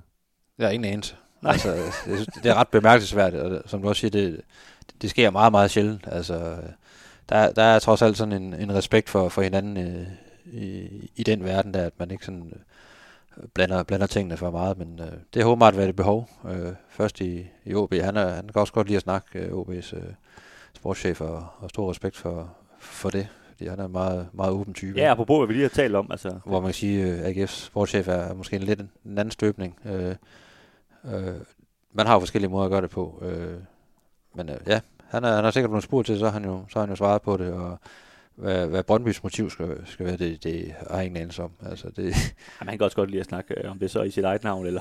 ja, ja, men det må stå hen i det men det giver, det giver jo ingen mening. Altså, nu er Jack Wilshere i AGF, og hvad, hvad, hvad skal folk så bruge til, at, øh, at der er en agent, der måske har banket på døren på et eller andet tidspunkt, og, og mumlet noget om Jack Wilshere, det kan jeg ikke se, det han... han ja, og, og, og, jeg tror heller ikke, der er nogen i AGF, hverken i klubben eller, eller fans, der har bildt sig selv ind, at Jack Wilshere, han er gået fra maj til februar og ventede på, at øh, AGF de ringede. Nej, han har også på et tidspunkt lagt en, lagt en video ind, var det i december lagt en video ud på sociale medier, og nærmest har, har faldt sig selv i forhold til, uh, hallo, jeg har stadigvæk, uh, kunne I tænke at og, og lave en lille kontrakt med mig, for jeg kan altså godt spille fodbold. Altså, så uh, der har sikkert været rigtig mange klubber, der, der har været ind over og, og lige skulle høre til og lidt frem og tilbage. Ja, lige præcis.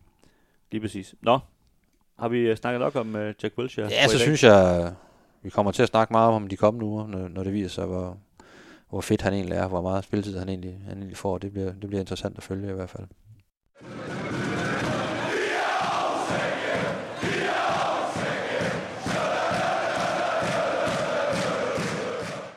Godt, Kim. I forlængelse af, af Jack Wilshere-handlen her, så, så vil vi lige lave sådan en lille top 3 i fællesskab over sådan de største øh, what the fuck signings, AGF de har lavet i, øh, i den tid, vi ligesom har, har fulgt klubben, øh, både som journalister, men også øh, måske før det, hvor, hvor vi trods alt også havde øjne i hovedet. Øh, er, er der et eller andet, sådan, du, hvor du sådan tænker, lige husker tilbage og tænker, nu kan det ikke sikkert det er på Jack Wilshere-niveau, men, men det var alligevel sådan en, der kom der alligevel gang i, i Fredensvang.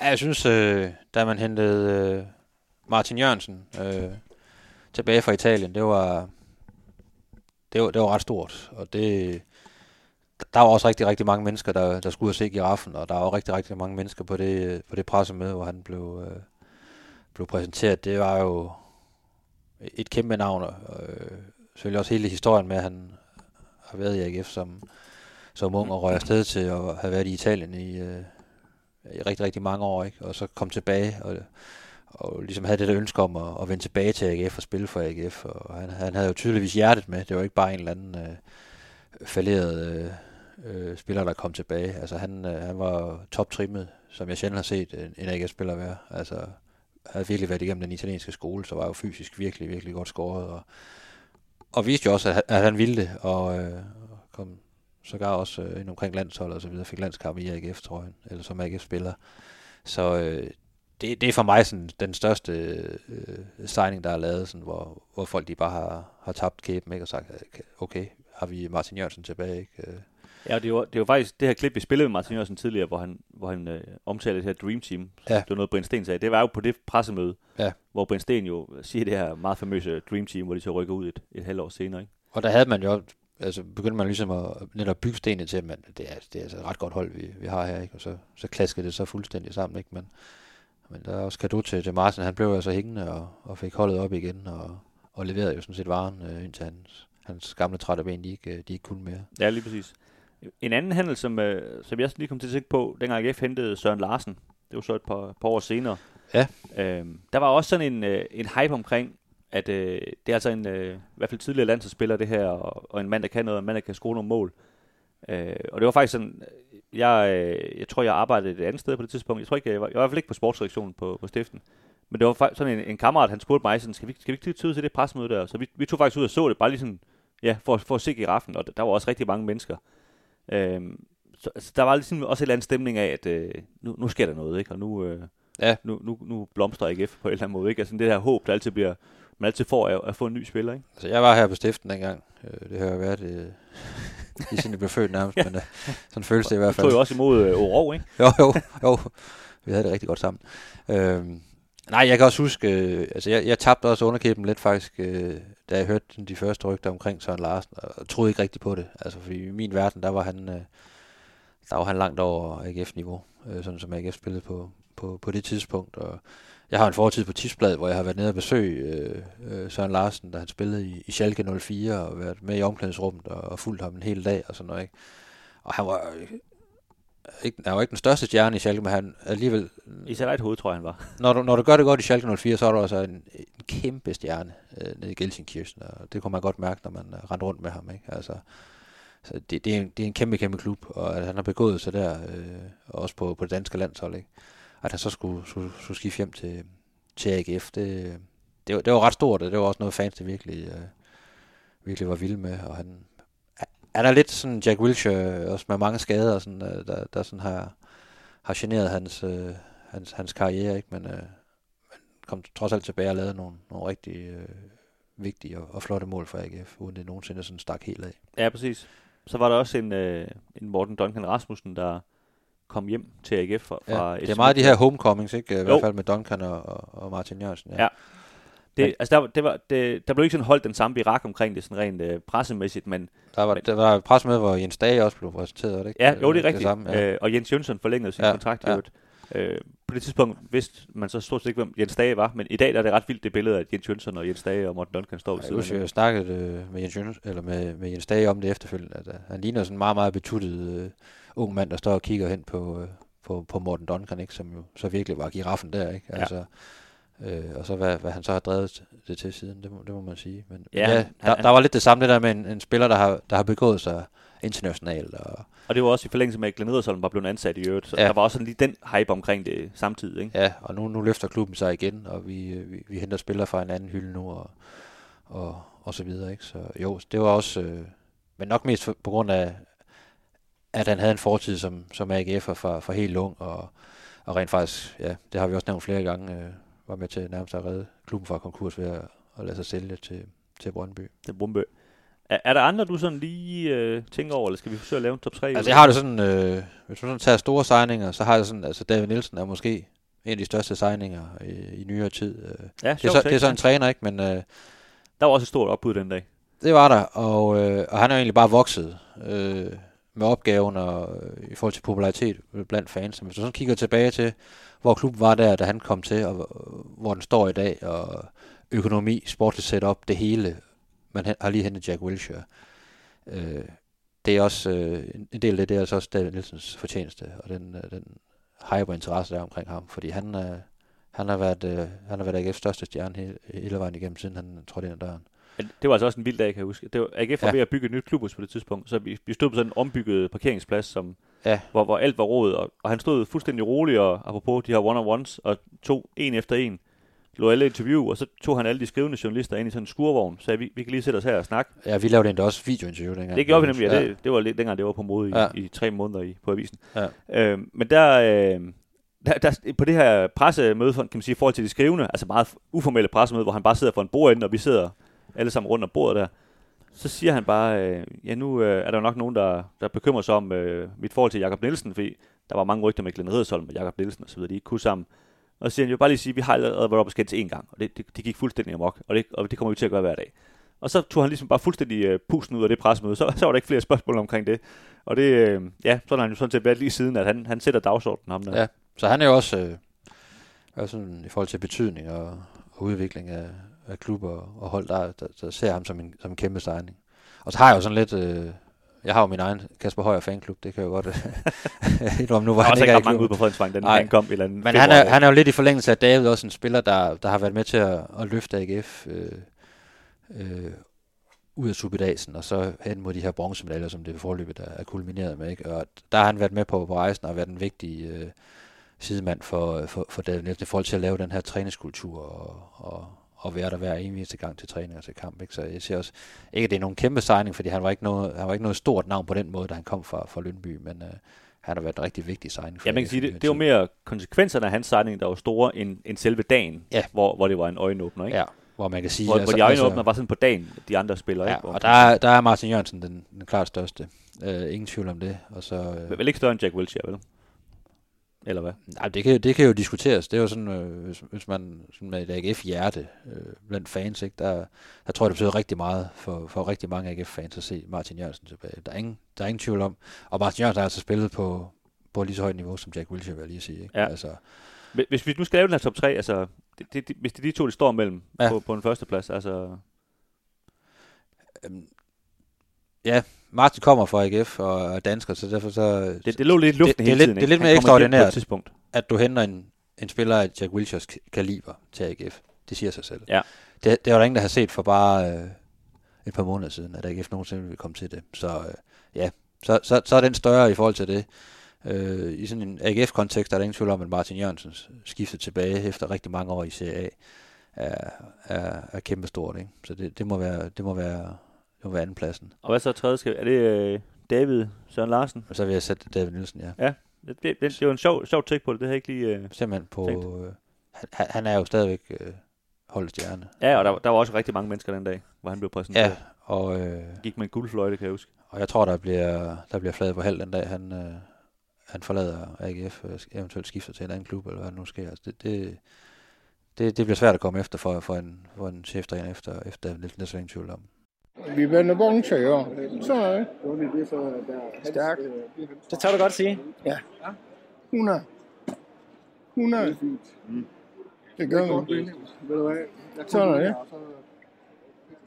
Også for alle legendernes skyld. Jep, Kim. For alle legendernes skyld. Vi, øh, som vi sagde i toppen af udsendelsen, så, øh, så kommer vi til at præsentere en, en AGF-legende hver gang. Og altså, de høres jo altså ikke have vundet fire mesterskaber. Det kan også godt være, være Carsten Hellum, at øh, det er ham, vi på et tidspunkt kommer forbi. Men, øh, Han er en legende. Men, øh, men i dag, der, øh, der har du fået øh, opgaven, og hvem er det, du gerne vil øh, tale lidt om? Jamen altså, vi, vi lavede jo den her øh, top 50 i løbet af, af, af december måned, og man bliver jo altid sådan klogere, og, og man reflekterer lidt over, ramte vi nu rigtigt, og var der nogle spillere, vi, vi ikke havde med, som skulle have været med, og sådan, ikke? Der er også nogle fans, der selvfølgelig har reageret på forskellige navne, og hvorfor er han med, og hvorfor er han ikke højere på listen.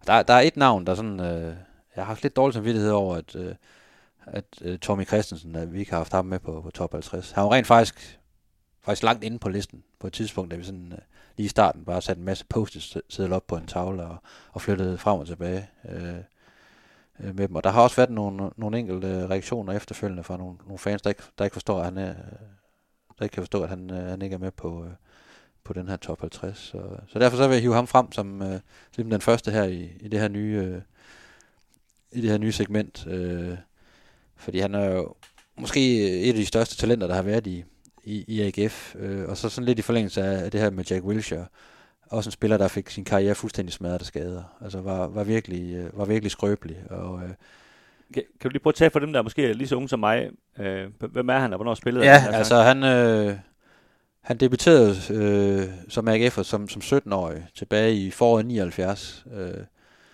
og, øh, og scorede faktisk i sin debut mod, mod Hvidovre, hvor AGF vinder 3-0 på Hvidovre Stadion. øh, kommer ind øh, til sidst i kampen og, og scorer så et mål. Øh, og historien går jo på, at der, der sidder af en eller anden mærkværdig grund, sidder der en PSV-cheftræner på, på tribunen øh, og, og ser det her, og får ligesom øje på, øh, på Tommy Christensen, og, og få måneder efter, der, der skifter han så i en alder af 18 år til, til PSV, altså en hollandsk storklub. På baggrund af, at han kun har spillet fire, øh, han nåede kun at spille fire kampe for AGF, øh, og ikke havde noget sådan impact i hver hans, hans lave alder. Øh, jeg tror også, der, der er mere til den her historie. Der er noget med, at PSV havde set ham som yndlingespiller, hvor AGF var ned til noget turnering nede i Frankrig, havde set ham, hvor han scorede rigtig mange mål, og han var også inde omkring ungdomslandsholdet, så der har været noget scouting og så videre, ikke? Man har nok ikke lige taget til videre og håbe på, at han blev skiftet ind øh, og fik sin debut. Og, så, så der er mange ting til den historie. Men han røg i hvert fald til PSV, øh, hvor han ikke fik nogen stor succes, og igen var der, var der nogle skader indover. Men kommer så tilbage til AGF, øh, og er i AGF fra, øh, fra 82 til, til 84, så bliver faktisk øh, er topscorer for AGF i, i, øh, i 83 sæson, hvor man vinder, vinder bronze. Øh, og der havde han nogle, nogle gode år i AGF, hvor han, hvor han laver nogle mål.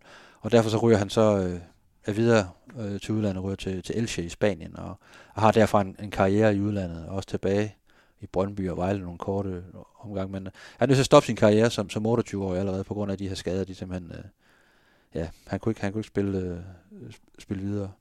Øh, der er, der er en, øh, en, en sjov historie omkring det, som jeg, det var derfor, jeg tænkte på ham. Øh, han, han får en enkelt øh, A-landskamp. Øh, det er i 83. Øh, altså sådan flere gange fået at vide, at han var inde i periferien omkring A-landsholdet. Øh, havde snak, snakket med Sepp Pjørnsek sådan flere gange, men vi fik hele tiden at vide, men du har de her skader hele tiden. Du spiller de her 5-6-7 gode kampe, og så bliver du skadet, og så er du ude. Og det kunne, det kunne en landstræner ikke rigtig arbejde med, så der var, der var for mange huller i, i osten der, men øh, der er så, øh, Danmark skal så spille en OL-kvalifikationskamp mod Finland i, i sommeren øh, 1983, og der får Sepp Pjørnsek så et, et afbud fra en af sine spillere øh, kort før, jeg tror det er dagen inden. Øh, og kampen skal spilles i Aarhus, så der er det nærliggende, så må vi jo ringe til Tommy Christensen. Og øh, Sepp Pjørnsek øh, ringer så for, får fat i Tommy Christensens far, og Tom Christensen, han, er, han ligger faktisk på, på stranden i Æbeltoft og hygger sig, har, har fået sommerferie det hele, ikke? Og har, har selv, senere genfortalt, at hans far så kommer spurtende ned. Er der ikke mobiltelefoner dengang? Nej, og, og råber, at øh, så begyndte jeg altså lige haft ringet, så du skal lige øh, komme med her. Jeg tror, det er et eller andet med en, med en landskamp. Ikke? Og så får han pakket sine ting og øh, tjekker ind i, i landskabslejren og bliver værelseskammerat med, med en uh, ung Michael Laudrup. Okay. Øh, og så spiller de så mod Finland, og han sidder på bænken og, og, og kommer ind med stillingen 2-0 og får, får tre minutter på banen, men når så at lave et øh, fint oplæg til Michael Laudrup, der scorer til, til 3-0. Så, ja, det kan jo noget. Så det, så det kan et Men det var så også den eneste landskamp, han, han, han fik, og det hang selvfølgelig sammen med alle hans skader, øh, som blev ved med at, at, at plage ham øh, hele karrieren, men selvfølgelig også det faktum, at der var bare gode spillere omkring A eller 12 dengang. Vi snakker om Michael Laudrup, Preben Elkær og så videre, ikke? så han havde også svært ved ligesom at, at komme til. Øh, så et, et kæmpe talent, der aldrig rigtig blev blev forløst øh, i øh, hverken i AGF-trøjen, landsholdstrøjen eller i de, de mange udenlandske klubber. Han var, han var i Tyskland, han var, han var i, i Leicester, han var i Portsmouth, han var, han var rigtig mange steder. Han var tilbage og spille i Brøndby og i, i, i Vejle, men øh, det blev aldrig rigtigt til, til det helt store gennembrud, men han så rigtig, rigtig spændende ud, da han, da han poppede op der i, øh, i 79, og især da han sådan var, var tilbage i AGF efter nogle, nogle svære år i Hollands fodbold hvor han lavede rigtig, rigtig mange mål i en periode, hvor han ikke havde så mange skader. Ikke? Så øh, jeg tror, det mange, der sådan kan huske de der start 80'erne, de, de har Tommy Christensen øh, placeret som, som en, virkelig et, øh, et stort navn. Øh, et kæmpe talent, som i perioder viste, øh, hvor dygtig han var, men som, som aldrig rigtig øh, sådan fik sparket døren rigtig ind. Ikke? Og det, det er jo også øh, en gang imellem historien om professionel fodbold. Der, der er nogle talenter, der, der skrider lidt i, i hjørnet på grund af skader og så videre. Ja, lige præcis. Og han nåede jo så som sagt øh, ikke lige den her top 50 liste. Lad os så kalde ham nummer, nummer 51 måske, men, men, øh, men resten af listen kan man i hvert fald se ind på, på stiften.dk. Øh, vi skal nok øh, linke den til, til den her artiklen, til den her podcast, hvis, øh, hvis man vil kigge lidt på det. Der er i hvert fald øh, der er et par timer. Der bliver også lavet en podcast, hvor, hvor vi, vi gennemgår hele, hele listen. Det tog os, øh, tog os et par timer. Men der er rigtig meget historie i den podcast, så hvis man ja. er mere interesseret i AGF's historie, så, så kan man godt blive klogere der. Det vil jeg godt love. Ja, men øh, ja, et skulderklap her til Tommy Christensen i hvert fald øh, øh, herfra, for det er en, en, en rigtig interessant historie, men selvfølgelig også en, øh, en rigtig ærgerlig historie for, for ham selv. Jeg ved så, at han, er, han har lavet en rigtig fin øh, erhvervskarriere siden, så øh, han, han er kommet så over, at han, han var nødt til at stille støvlerne på hylden som, som 28 år. Ikke? Der stod også engang et svær i en sten, og der var der mange, der var henne for at trække det svær op. Men der er kun en, der kommer til at trække det op den første gang. Og jeg har ekstremt lyst til at gå over og trække det svær med alle de kræfter, jeg overhovedet har. Ja, David Nielsen trækker i et svær. Vi kan jo altid diskutere, om, om han har fået det op, men, øh, men det er i hvert fald øh, en øh, hentydning til, at vi skal til at kigge fremad. Ja. AGF de møder Vejle på fredag. Og hvis vi så skal prøve at lade være med at tale om øh, Jack Wilshere, men tale om alt det andet, som om, at det bare var en helt almindelig kamp. Hvordan, øh, hvad, hvad er det så for en kamp? Jamen, det er jo, det er jo klichéen om øh, endnu en vigtig kamp, men, men det er det jo. AGF vandt jo over Sønderjyske.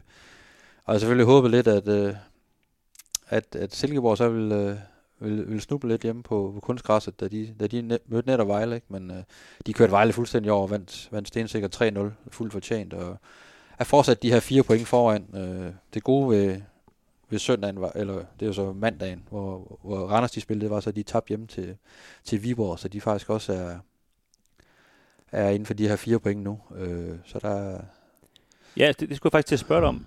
Er, nu, nu, er det jo selvfølgelig fuldstændig ligegyldigt, hvem AGF går efter, kan man sige. De skal jo bare slå Vejle, men, men tror du, det er mest realistisk at hente Silkeborg eller hente Randers? Altså, hvis jeg ser lige nu, så, så ligner det faktisk øh, Randers. Øh, jeg, har slet ikke haft dem, jeg har slet ikke haft dem med i den ligning, for jeg har tænkt, at Randers, det, de, de får de point, de skal, og øh, de er så godt kørende. Jeg har også haft Randers som, altså, som favorit til at vinde bronze. Altså, men jeg kan godt, jeg kan faktisk, selvom det lyder mærkeligt efter en, efter en opstart, så kan, så kan man mærke en eller anden øh, træthed i holdet efter den her Leicester-kamp, ikke? Øh, hvor de godt nok bed fint fra sig i, i hvert fald i, i, i en kort periode, men så også fik, øh, fik Leicester lige øh, Oh, klø. hvor god. Ja, han var fræk, den der. Og det, det synes jeg godt, man kunne se i, imod Viborg. Og, og der er et eller andet nogle gange med det her europæiske kampe, og man så kan... Nu har de ligesom været oppe og ramme loftet, kan man sige, og, og ryger selvfølgelig ud, ikke? Øh, hvad, hvad gør det ved dem i forhold til Superligaen? Er de lige, skal de lige ned og vinde et, øh, to-tre kampe, fordi øh, det er der ikke plads til, øh, sådan som strukturen er jo. Så, Ja, så kommer AGF og skråstrej Viborg bagfra, ikke? Og, Og de skal jo også spille, øh, skal jo spille her torsdag igen med, mod Leicester, hvor præcis. vi bliver enige om, at de nok bliver slået ud, men, men det trækker en masse energi ud at spille så stor en kamp, ikke? Ja. Hvor, hvor de så skal lige pludselig til at spille i, i weekenden og, og, Ja. og koncentrere sig om det. Og jeg, jeg ved godt, Silkeborg har et svært slutprogram, øh, men det er jo så også et hold, der ikke, der ikke taber særlig mange. De har kun tabt to kampe hele sæsonen. Så de skal nok få skrabet nogle, nogle point sammen. Ikke? Så, øh, Jeg tror også, at hvis AGF skal hente nogen, så er det Randers. så er det Randers. Øh, jeg siger ikke, det sker. Øh, jeg synes stadigvæk, det ser rigtig, rigtig svært ud. Og det kræver jo stadigvæk, at man får, man får tre point mod, mod Vejle. Og det er jo heller ikke noget, der man bare kan tage for givet, selvom Vejle så, så kummerlig ud mod, mod Silkeborg og fik ørerne i maskinen der. Ja, præcis, men, men altså, det, det siger jo sig selv, det, det er en kamp, AGF de, øh, de skal vinde, og det, Ja, det, det bør de jo også. Altså, Og det tror jeg også, de gør. og Jeg, man, man fornemmer nærmest, at nu, nu var der den her øh, forløsning oven på det her, den her vilde sejr i, i Haderslev, ikke? med mål inde i overtiden. Og, altså, det var virkelig, virkelig vigtigt for uafgjort, kunne AGF altså ikke bruge til særlig meget. Øh, så det var virkelig, virkelig vigtigt, og det tror jeg har givet en et boost. Og så oveni er der kommet alt det her med, med Jack Wilshere, og alle har talt om AGF, ikke? Altså, de, de kan jo reagere på to måder inde på banen mod Vejle. De kan klappe sammen fuldstændig mentalt, fordi det bare har været sådan en hård uge, og de er, øh, har muligt fået spørgsmål, nogle af dem omkring Jack Wilshere, selvom de ikke måtte. Øh, men det kan også være, at de bare sådan rider videre på en bølge, og ligesom bare, øh, altså vi er AGF, prøv lige, altså, vi vandt den første kamp, og prøv lige at se, hvad vi, hvad vi har siddet nu på bænken, og øh, her kommer vi. Og, og det, det tror jeg mere er den, den, de rammer også med, med, med det fremmøde, der bliver AGF-fans i Vejle, som vil komme til at, at løfte dem frem på, på banen, så øh, Ja, det, skal, det skal blive tre point igen. Og som David Nielsen han sagde i, i, et- efter tirsdagens træning, øh, hvor jeg forsøgte at lave sådan en optag til den her Vejle-kamp, hvil- hvilket jo var så lidt svært faktisk, fordi det, det var så svært ikke at få det til at handle om Jack Wilshere, ikke? men hvor jeg trods alt forsøgte at ikke få det til at handle om ham. Hvor han så siger, at, at øh, det kan også godt være en positiv ting, der, men nu har han ikke hørt på andet i næsten i et halvt år, og de ikke kan finde ud af at score mål. Men den seneste øh, 3-4 dage, der er ikke nogen, der har givet at spørge ham om det. Nu har de kun spurgt om Jack Wilshere. Så måske har de faktisk fået lidt frirum i, at, at, at nu kan vi faktisk lige øh, være lidt i os selv, og nu, nu koncentrerer de os om noget andet, og så koncentrerer vi os om at spille fodbold, ikke?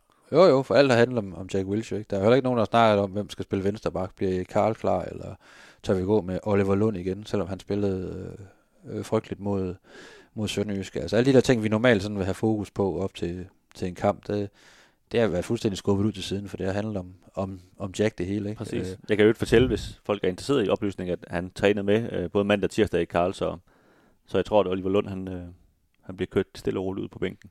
Ja, det ligner en øh, Karl, der, der, der starter ind, ikke? Altså, og så, jo, altså, AGF er et bedre hold end Vejle. Øh, Vejle kæmper stadigvæk for nedrykning, og de, øh, så sådan en, sådan en gadehund er jo altid farlig. Øh, han render rundt i, i, i kvarteret, ikke, når de, når de ikke har noget at tabe. Og, eller, jo, de har meget at tabe, men altså, de skal ud og jagte noget, ikke? Og de skal, jo, de skal jo også bare vinde. Altså, Og så er det Peter Sørensen som træner, ikke? Han vil, han vil elske lige at stikke et, øh, en kæp i AGF's.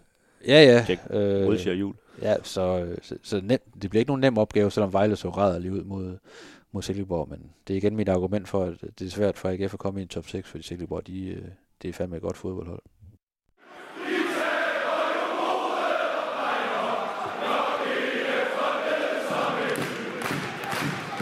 Quiz, Kim. Vi har en, øh, et lille hængerparti. Du blev stillet et uh, spørgsmål i starten af udsendelsen om omkring Jesper Julesgaard. Det havde jeg lykkeligt glemt. Ja, nu øh, har du lige øh, 10 sekunder til at tænke over, hvor mange Superliga-kampe han spillede for AGF. Superliga-kampe? Ja. Indskiftning og udskiftning og det hele til Ja. med. Han har ikke spillet så mange i den her sæson. Han kom til i 2016, kan Ja. jeg hjælpe lidt med. Og rent faktisk spillet alligevel ret mange kampe, når man sådan tænker over det. Ja, det er jo så spørgsmålet. Han er over 100. Ja. Ja. Øhm, hvor mange kampe er der på en sæson? Det var lidt forskelligt. Så har det været 14 hold, så har det været 12 hold. Øh, kan jeg ringe til min mor? Kan du godt. Hun ved det stensikkert. Hun er kæmpe Jesper Ulsgaard fan. øhm, jeg siger... Jeg siger 110. Deromkring. Ja. Det, ja, 110. 110. Jeg synes, det, jeg synes, det er fint på. Det er, det er måske også hårdt, du skulle gætte den lige på. Vi skulle måske have sat uh, plus minus. Ja. Men uh, du får en plus minus 6, fordi det var 117. Så du tabte, desværre. Pis! Nej, jeg synes, det var, det var, et, øh, det var et fint gæt, Kim. 100, 117 Superliga-kampe. Ja. Har AGF øh, sagt farvel til. Det er alligevel, øh, alligevel mange kampe, ikke? For en spiller, som man hele tiden har tænkt, han er i periferien, og han øh, er stand inden for andre, og han... Øh, Er vi ude i en æra, der er slut? Du er lidt på, på venstre bak, du er lidt... Øh, ah, nu er du midtstopper, nu er du... Det gør du også godt, men det... Ja, det er rigtigt. Det var, som du sagde i, øh, i udsendelsen, at det var ikke... Der var ikke noget tidspunkt, hvor han egentlig var fast mand, vel? Altså, Nej. Men alligevel, jeg, uden jeg skal kunne komme med et tal, så tror jeg alligevel, der er en del af de her kampe, der er også fra start af. Det er jo ikke Ja, bare ja, sådan, at det er ikke, sikkert. vi snakker ikke 73 indskiftninger eller sådan noget. Altså, han, har, han har spillet en rolle i, Ja. i lange perioder af hans tid i AGF, fordi der har været nogle, nogle skader og, og forskellige ting. Ikke? Jo. Altså Bachmann har jo været ret meget væk. Ikke? Der, Ja, har han der har han da fået chancen en gang imellem. Det kæft, det var, det var meget godt bud af ham. Ja, det var faktisk meget fint. Ja. Så må vi se, om du kan finde et uh, spørgsmål, som jeg kan svare på næste gang. Jeg skal jo finde et, du overhovedet ikke kan svare på. Ja, det, det synes du jo. Nå, vi siger øh, tak, fordi øh, I lytter med, og vi er tilbage efter, at øh, AGF og Jack Wilshere har mødt øh, Vejle på, på fredag med en slutfløjts podcast. Og indtil da, og efter det også, der kan I øh, læse meget mere om AGF ind på, på stiften.dk.